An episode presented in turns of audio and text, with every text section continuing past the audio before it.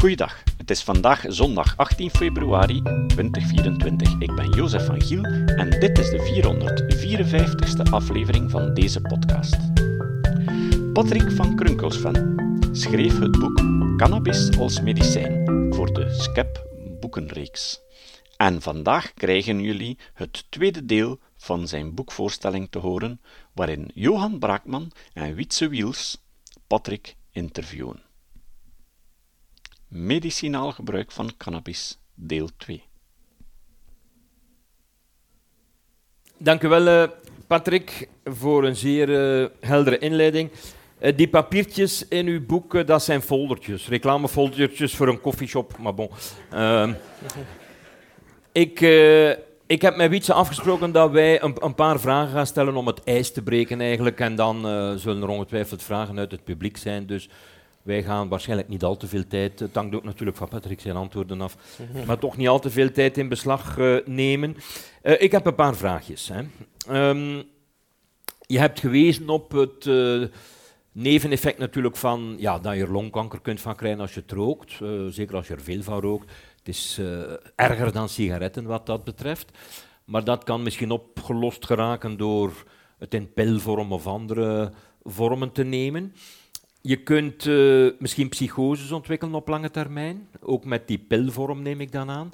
Dus mijn vraag is, je hebt er hier en daar iets over gezegd, is er iets bekend, stel het wordt gelegaliseerd en mensen gaan het gebruiken als medicijn, is er iets bekend over uh, mogelijke neveneffecten, schadelijke neveneffecten op langere termijn? Of anders gezegd, was er op dit moment met de kennis van nu in de bijsluiter moeten staan? Zoals uh, voor heel veel medicijnen zou het ook een lange lijst zijn, ja. denk ik. Um, maar ik denk wat ik genoemd heb, um, zijn aan de ene kant wat lichamelijke klachten. Het kwam ook uh, voor in onze studie die we gedaan hebben over uh, pijnbehandeling. Dus dat mensen toch wel zich iets minder helder voelen in hun, in hun denken, wat draaierig zijn. ook de motoriek die, die kan verstoord worden en dus ook ja, het rijden met de wagen, het behandelen van uh, gevaarlijke machines en zo, dat zijn toch wel zaken, denk ik, die, die er zeker in de bijsluiter zouden staan, dat je daar voorzichtig mee moet zijn. En die misschien wel wat stabiliseren als je het langer inneemt, hè, maar dat zal zeker in de bijsluiter staan. Um, dan zijn er de psychische effecten. Um, ja, psychose is uh, wel duidelijk voor recreatief gebruik is dat heel veel beschreven. Uh, spreek, als wij ons symposium gaven, denk uh, eh, 30 jaar geleden, toen hebben we echt wel een paar kwade spoedartsen gehad. En, um, en, en, mensen die, die echt, ja, vond ik heel eerlijk verontwaardigd waren. En die zeiden, pas toch op, je moest eens een keer weten wat we in de weekend binnenkrijgen in de spoedgevallen. Eh, dan hebben we echt, echt wel vaak jonge mensen die totaal in psychose zijn. Ja. En dus, maar meestal natuurlijk door, door verhoogd gebruik. Ja. Maar mag ik hier even inpikken? Ja. Ik, ik heb mij laten wijsmaken, want eerlijk waar, ik heb er weinig verstand van. Um, dat, uh, dat dit ook wel te maken heeft, dus die psychoseontwikkeling, met natuurlijk veelvuldig gebruik, misschien zelfs dagelijks of toch heel vaak, maar ook met het feit dat blijkbaar de, de sterkte van de cannabis door de teelt uh, in de loop der decennia uh, veel sterker geworden is. Dus dat een joint in de jaren 70 helemaal niet uh, zo krachtig was, zal ik maar zeggen, als een joint vandaag de dag, doordat de kwekers ja, er de meest krachtige planten hebben uitgehaald. Kunstmatige selectie heet dat. Als dat zo is, dan koppel je dat aan het, het roken van joints. Maar dat hoeft dan niet op te treden bij de medicijnen, want ik ga ervan uit, uh, ja, het, het, het, het neveneffect, de neveneffecten. Het is eigenlijk niet per se de bedoeling dat het neveneffect van de roes daar ook bij optreedt. Misschien zelfs in tegendeel. Als je het gebruikt recreatief, ja, dan ga je voor die roes. Maar als je het als geneesmiddel gebruikt, ja, die roes, zou kunnen zeggen, dat is mooi meegenomen, maar dat is eigenlijk niet de bedoeling. En inderdaad, als je met de wagen naar rijdt of een, een, job, een gevaarlijke job hebt, dan heb je dat al helemaal, is dat al helemaal niet wenselijk. Ja. Maar is, wat u zegt, Johan, is helemaal juist. Hè. Er zijn, zijn echt in de rand van de studies die gebeuren om bij pijn of, of welke aandoening ook. En dan ga je natuurlijk altijd ook wel naar de nevenwerkingen kijken. En dan zien we dat gecontroleerd gebruik, dat je weet ook welke dosis is het. En, en je gaat bij pijn mensen aanraden van laag te beginnen. En je, je stijgt op totdat je misschien toch wel meer nevenwerkingen krijgt als roes. Maar eigenlijk zijn die doseringen meestal lager dan recreatief gebruik. Dus in al die studies die gebeurd zijn, en dat zijn er ondertussen honderden, en waar de nevenwerkingen op iets of wat serieuze manier zijn gebeurd, dan zien we relatief weinig nevenwerkingen. Absoluut, ik, heb denk ik ook wel aangegeven. Maar ja, ontslaat ons dat om de mensen toch te, te waarschuwen. Ik denk zeker jonge mensen, ehm, tot 21 tot 25 jaar, vind ik het uh, misschien, zeker de combinatie THC en CBD, vind ik toch dat we daar voorzichtig moeten in zijn. Omdat we niet goed weten wat de echte lange termijn effecten zijn op het geheugen en, en, het gedrag van mensen enzovoort. Dat uh, weten we niet. Maar u hebt gelijk. Hè? Dus de meeste die psychose bijvoorbeeld, of, of ja, vaak jonge mensen die ook toch um, hun leergedrag, dat is toch wel beschreven, hè, dat werd soms betwijfeld, maar jongeren die veel roken, die gaan toch een beetje je m'en foutist neiging hebben en gaan studies verwaarlozen en zo. Dat is toch allemaal echt wel beschreven. Maar eigenlijk dus is dat een andere discussie. Ja, wordt uh, meer bij recreatief gebruik. Dus je hebt een punt. Uh, ik heb er ook maar één slide aan, aan gewijd, denk ik. Dus de uh, nevenwerkingen onder gecontroleerd gebruik zijn relatief gering. Ja. Een vraag die daarbij aansluit, is dat de reden waarom toch in behoorlijk veel landen, je hebt het ook getoond, het ondertussen gelegaliseerd is. Dus dat zijn toch ook geen landen waar men zomaar medicatie op de markt uh, brengt, zonder studies of zonder er rekening mee te houden. Dus uh, hoe kan het dat heel wat landen, uh, Australië, van Australië tot Latijns-Amerika, een twintigtal staten in de Verenigde Staten, heb ik begrepen, het blijkbaar toelaten onder gecontroleerde omstandigheden via voorschrift, apotheker enzovoort, maar dat, dat België blijkbaar zo terughoudend is. Heb je daar een verklaring voor? Zou het kunnen, ik doe zelf een suggestie, dat het komt door ja, de, de ergens slechte pers, bij wijze van spreken. Marihuana, ja, dat is joint, dat is drugs, dat is hippie, dat is, uh, daar komt niks goed van. Uh, dus dat het louter door de slechte pers komt, als het ware. Ik heb... Uh... En, bedoel, marihuana heeft bij sommige mensen ook wel een goede pers, hè?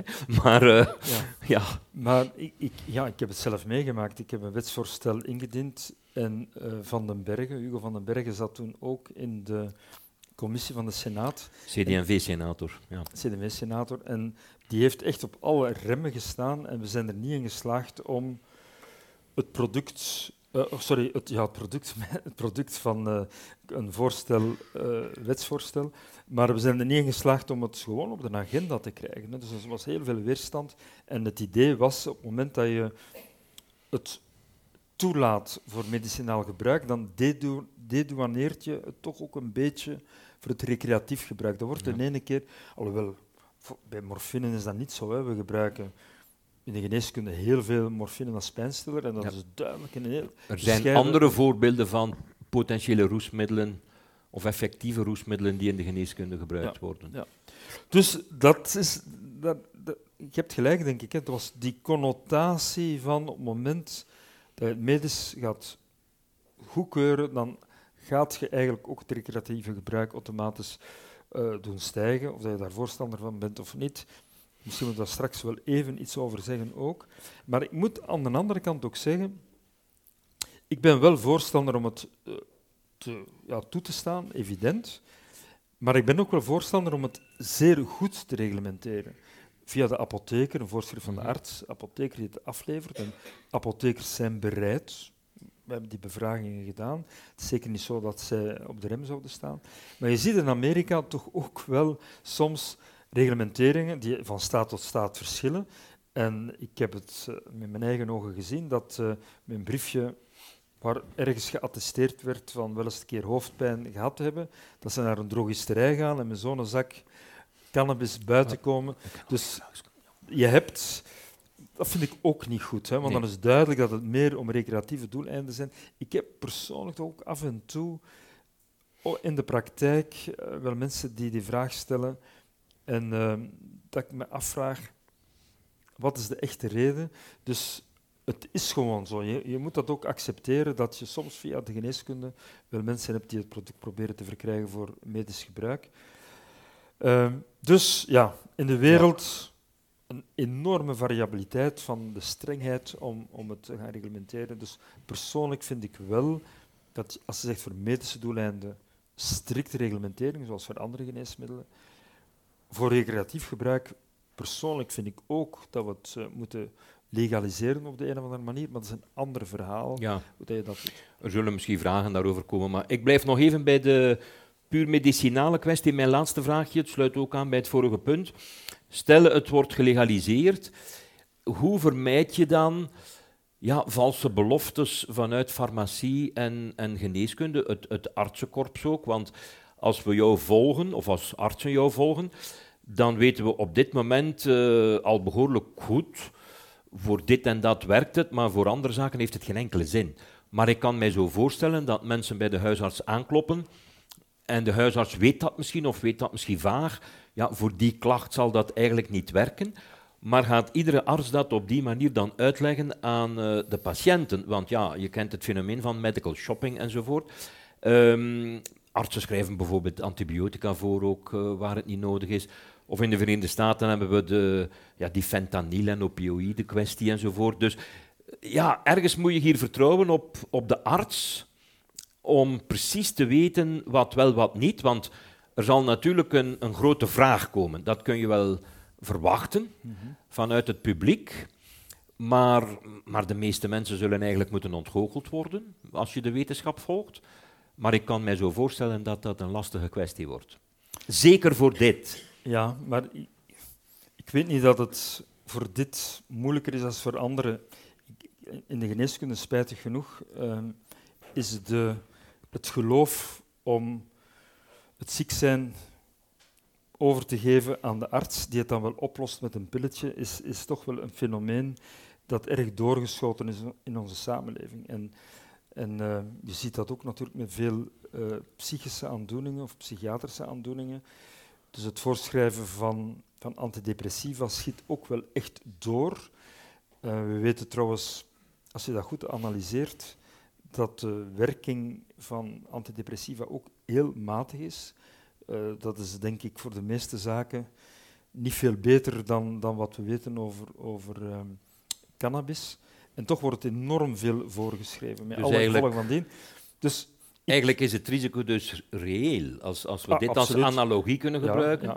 Ja, En ironisch genoeg kan ik me voorstellen dat mensen gaan denken, ja, uh, het is een, een natuurlijk middel. Het is gewoon een plant, ik kan dat zelf kweken. Het is eigenlijk beter dan, dan wat uit de farmacie zou komen, terwijl het evengoed een geneesmiddel zou zijn. Ja, ja. We hebben natuurlijk in, in de geneeskunde ook wel dingen die uit, de, uit planten komen en door ons worden gebruikt. Natuurlijk, ja. Maar... Um, het maakt op zich geen verschil, maar de... Ik, ik, ik, zie het probleem niet zo groot hoor, Johan. Uh, ik, ik, ben erg ontgoocheld soms in, in, collega's in het algemeen die veel te snel naar geneesmiddelen grijpen en, uh, en daar heel veel uh, kwaad mee stichten. En natuurlijk, het, het, gevaar is ook, en dat geldt evengoed ook voor, voor allerlei ingrepen. Um, dus een goed overwogen gebruik van geneesmiddelen of van cannabis is voor mij eigenlijk hetzelfde. Op het moment dat we goed weten waar werkt het en waar werkt het niet, en kunnen we dat ook op dezelfde manier gaan gebruiken, zoals je op een kritische manier ook andere geneesmiddelen zult moeten gebruiken. Maar misschien een kleine een, uh, een fait. Ik kwam in, uh, ja, vorige vrijdag bij een patiënt die al lang klaagt van, van een indicatie die helemaal niet uh, ter sprake is gekomen. Maar die heeft ulcera, dus een slechte doorbloeding in de, in de benen en, en, en wonden. Ul, ja, dus uh, die samenvloeien. Zweren, ja, zo kan je het noemen.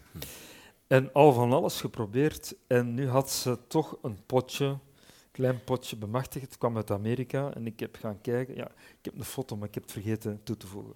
Ik wou het eigenlijk doen. En er zit CBD in. En ja, het is toch goed, ik heb al veel minder pijn.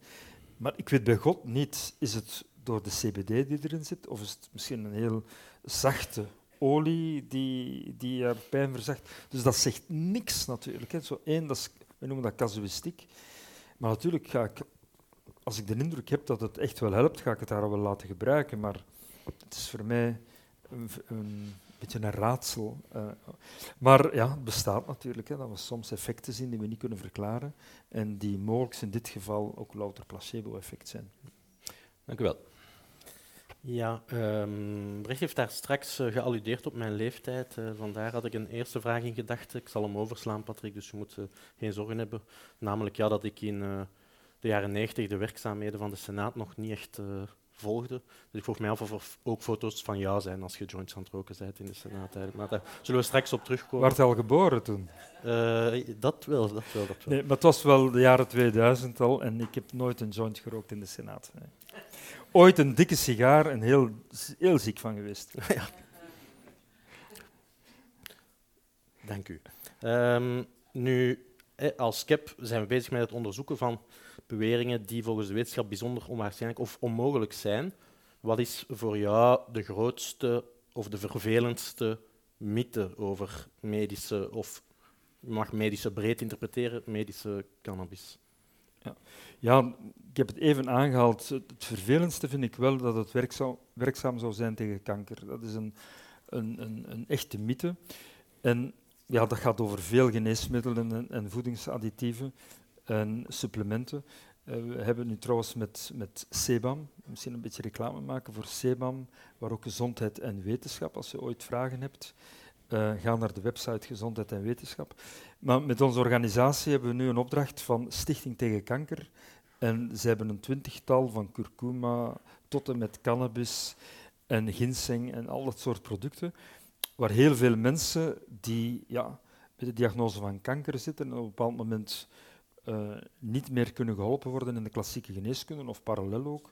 En, en ze horen van links en rechts. En het is soms heel moeilijk om daaraan te weerstaan. Uh, als mensen zeggen, ja, maar ik ken toch wel iemand die daar echt goed mee geholpen is.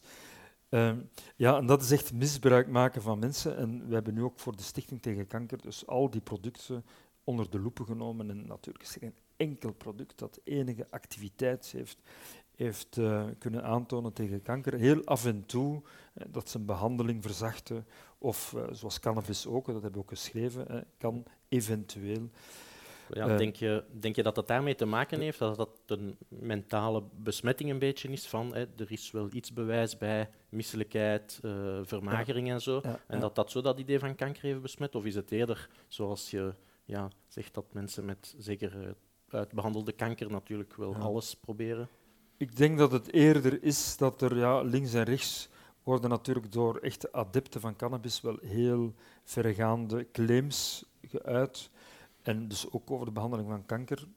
Ik denk dat het eerder daaruit komt dan, want zo vaak gebruiken we het in België niet. Hè. Dus voor, uh, voor mensen met chemotherapie uh, lijkt het me af en toe wel een goede indicatie. Ik moet er ook weer zeggen dat de tijd dat mensen misselijk werden met de gedachte dat ze chemo gingen krijgen, dat dat toch ook vaak wat minder is, omdat we veel beter doseren en, en daar toch niet meer zo agressief gaan behandelingen doorvoeren. Um, dus indicatie van cannabis bij kanker is inderdaad beperkt tot eventueel pijn, uh, misselijkheid, nooit als een curatieve behandeling. Dus uh, daar heb ik het lastigste mee als mensen met kanker bij u komen en je moet dan, die de hoop hebben gesteld, en moet dan gaan duidelijk zeggen van nee, het werkt niet. Dat vind ik eigenlijk wel het vervelendste. Voor andere behandelingen, ja, je ziet toch ook reuma, ziekte van Crohn en zo, dat bij een aantal immunologische aandoeningen, waar we uh, ons eigen lichaam zich eigenlijk tegen onze lichaamcellen uh, agressief opstelt, auto-immuunziekten. Daar wordt het nog eens een keer voor geprogrammeerd, omdat we vermoeden dat het daar ergens effecten zou kunnen hebben, maar er is ook niks van bewezen. Dat vind ik toch ook wel belangrijk om te zeggen dat we daar eigenlijk ook geen, uh, geen soelaas kunnen verwachten. En uh, om een beetje de overstap te maken en daar meer het maatschappelijk-politieke, maar toch bij het medische te blijven, Je hebt daar net gezegd, uh, ik ken een aantal apothekers en zo die erin meegaan. Ehm, ja, wat is daar uw standpunt in die zin, um, als skipper en als arts en als uh, burger en uh, humanist en zo? Als ik een apotheker binnenwandel, erger ik mij blauw, hè, want je ziet nergens een geneesmiddel eigenlijk, hè, alleen maar brol. Uh, die zeer duur is, hè, waar de apotheker zijn of haar geld mee verdient, omdat die voor het echte werk natuurlijk helemaal niks krijgt. Hè. En nu zie je daar dan inderdaad de CBD-olie eh, op de toog staan. Is het niet een beetje um, ja, moeilijk om dan de apotheker, hè, die toch een ernstige gestudeerde mens is, dan zo'n dingen te laten doen? Of zeg je, net wat bijvoorbeeld de apothekersbond en zo dan zegt, van ja, je koopt het toch liever bij de apotheker dan ergens in een nachtwinkel. Ik weet niet hoe dat je daar tegenover staat. Ja. Goh, er zijn uh, ja, in elk beroep mensen die een beroep heel ernstig nemen en minder ernstig nemen. Nu, wat de apothekers betreft, absoluut uh, ben ik er ook van overtuigd dat de meesten het heel goed voor hebben. En dat ze om economische redenen natuurlijk heel wat verzorgingsproducten verkopen en zo. Dat is, omdat ze niet anders kunnen hoor. Ik heb met genoeg gesproken. tot daartoe. Uh, homeopathische middelen vind ik soms al wel wat moeilijker om zoals we allemaal weten, dat daar alleen suiker en water in zit en soms een beetje alcohol. Maar kleine, kleine anekdote. Hè. Dus in een gesprek met de bazen van de Algemene Farmaceutische Bond hebben die als argumentatie gegeven waarom je dat bij apothekers uh, kunt krijgen. Ja, dan zijt je zeker dat er niks in zit. Echt waar. Ja, oké. Okay. Dat is echt waar hoor. Ja, maar... Het was geen grap hoor, dat was echt een argumentatie. Maar dat is ook een argument natuurlijk. Ja, hè? Want als je ergens op een loesje markt Inderdaad. Uh, mm. Dat is trouwens ook het probleem. Ja, totaal iets anders, hè, maar uh, heel wat uh, mensen die naar de fitnessclubs gaan, die, die kopen daar zogezegd proteïne, mm. maar die ook dikwijls vervuild zijn met anabolica, omdat ze dan natuurlijk beter vervuild, omdat ze dan beter werken. Dus het argument, dan ben je zeker dat er niks in zit, is misschien een heel, heel goed argument. Ja, ja. ja. Maar dan zouden ze ook in het groter moeten bovenhangen. Hier zit zeker niks in. Ja, ja, dan, uh, dan zijn we helemaal mee, dan zijn we helemaal akkoord. Uh, ja, CBD-olie in de apotheek. Ik, heb, ik denk persoonlijk ook wel, hè, op het moment dat we, als, als ik als arts in zeldzame gevallen, meestal mensen met chronische pijn, uh, een poging doe, doe om cannabis voor te schrijven, dan stuur ik ze naar Nederland. Oh, ja. Dat is de enige mogelijke manier. In Nederland verkoopt men in verschillende sterktes, ofwel zowel producten dat je kan roken of uh, dampen, ofwel ook cannabisolie hm. met THC, een beetje THC, veel THC, met CBD. Dus heb je al die, die variaties. Dus ik denk wel dat een sterk argument is dat de apotheker altijd uh, de zekerheid biedt of, of uh, zich daar garant voor stelt dat wat hij verkoopt ook correct is wat hij verkoopt. En als je in de geneeskunde cannabis voorschrijft, dan kan je ze moeilijk naar een, koffieshop sturen, um, dat je niet weet wat je hebt. Nu, wat CBD-olie betreft, is dus geïndiceerd ja, eigenlijk voor kinderen met, uh, met uh, twee vormen van epilepsie. Ja, en Lennox-Gastaut. Ja. Um, ja, dan kan je toch ook moeilijk anders dan, dan, dan in de apotheek te gaan kopen. Hè. Exact. Maar we weten dat CBD-olie ja, bij chronische pijn, wij, wij hebben in onze studie en ook in onze aanbevelingen zeggen we, ja, je kan met CBD-olie beginnen, maar je weet dat de kans dan nog kleiner is dat je een effect gaat hebben. En als je een effect hebt, is het dan placebo of is het dan toch een echt effect? Ik weet het eigenlijk ook niet. Ik twijfel er een beetje aan dat CBD-olie alleen echt een pijnstillend effect heeft. Ja. Het is ook zo dat bij een aantal van die studies, bij die kinderen met uh, zeer ernstige epilepsie overigens, dat dat effect vooral gezien werd als ze ook benzodiazepines namen, hè, dus dat ook een versterkend uh, effect heeft. En bij de fameuze Sativex, hè, dus dat spreetje, het oplosmiddel uh, waarin dat, dat opgelost is, is alcohol. Hè. Dus dan voelt je natuurlijk ook een beetje rustiger doorgaans. Um, nu, een bijkomende vraag. Hè, in het onderzoek, en kritisch zijn voor onszelf, heb je in het uh, onderzoek hiernaar, of het werken aan dat boekje, iets ontdekt waarover je van mening veranderd bent, of, of een totaal nieuw inzicht uh, hebt gekregen, of dat je dacht van oei, dit dacht ik en dat blijkt een beetje een mythe te zijn? Goh, dat is een... Uh, ik kan er eigenlijk... nee, nee, ik kan er eigenlijk geen antwoord op geven. Uh, ik ben eigenlijk... Ja, wat mij vooral heeft verwonderd, is dat er zo heel weinig goede studies zijn. En dat gaf dan bijvoorbeeld bij de ziekte van Crohn in een, in een Cochrane. Dus toch de, beetje de, de Mercedes van, van de systematic reviews, dus overzichtsstudies. En dat je dan toch daar conclusies krijgt, ja, mogelijk zou het toch misschien een klein beetje kunnen werken. En dan dacht ik, ja, onze, ja de manier waarop we wetenschappelijke conclusies trekken is soms toch ook wel zwak. Maar dat is eigenlijk een heel andere soort ja. uh, conclusie dan jij op bedoelt.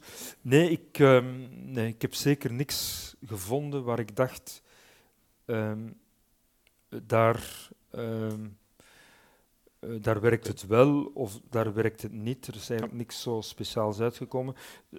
Wel, het positieve vind ik wel dat we zien dat de laatste jaren vooral er enorm veel studies bij komen. Dus ik, ik, denk wel als we nu binnen vijf jaar opnieuw hier zouden zitten, dat we misschien wel met veel meer zekerheid zouden kunnen zeggen het werkt daar of het werkt daar niet.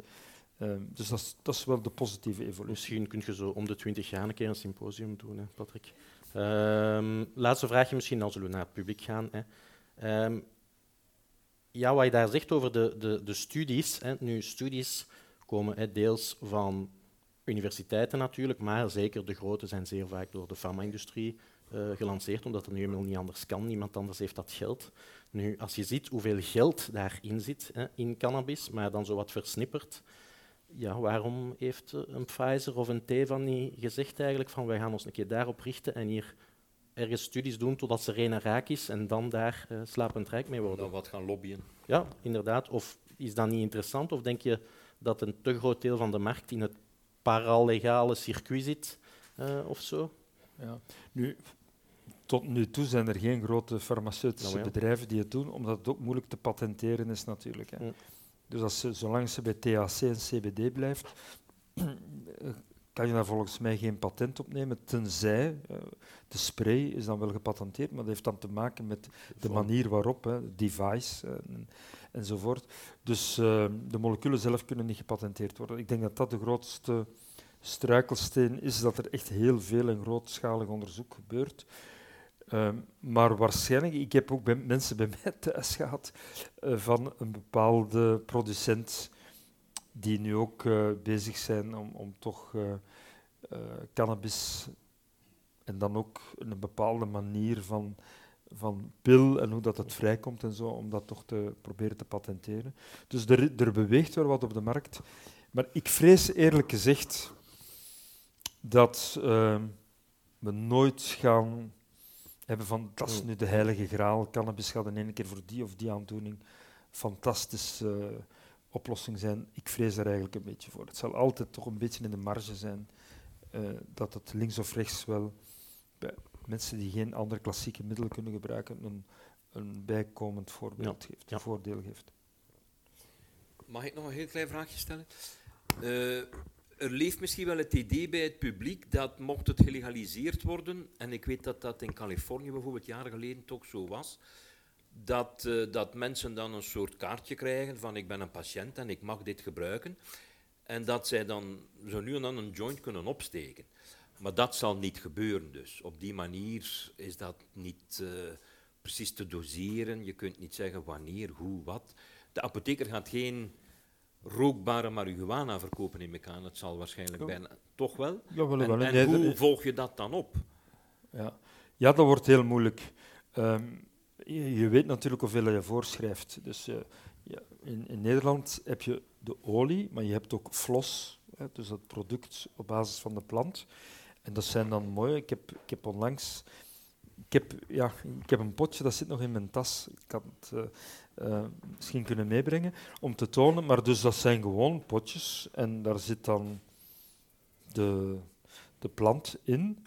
Fijn, fijn gemalen, maar ook niet te fijn. Hè. Dus je ziet nog de structuur. En je kan dat dan roken en je weet exact um, hoeveel milligram uh, eh, THC daarin zit. En je kan dus, je weet dus per sigaret of als je inhaleert, hè, je doet dan zoveel daarop, dan weet je eigenlijk ook exact. Dus je hebt een potje voorgeschreven, dan moet je normaal twee weken mee toekomen. Ja, dat is als je benzodiazepines of wat dan ook voorschrijft. Ja. Die strijd moeten we soms voeren. Je schrijft 30 tabletjes voor en ze komen dan een week terug, dan weet je ook, er is een probleem. Dus zo'n potje marihuana voorschrift, kan je eigenlijk wel goed weten, oké, okay, dat is op een... Maar dus de enige goede reden om het niet te laten roken is het, uh, het risico voor longkanker enzovoort. Dat is de enige echte goede reden.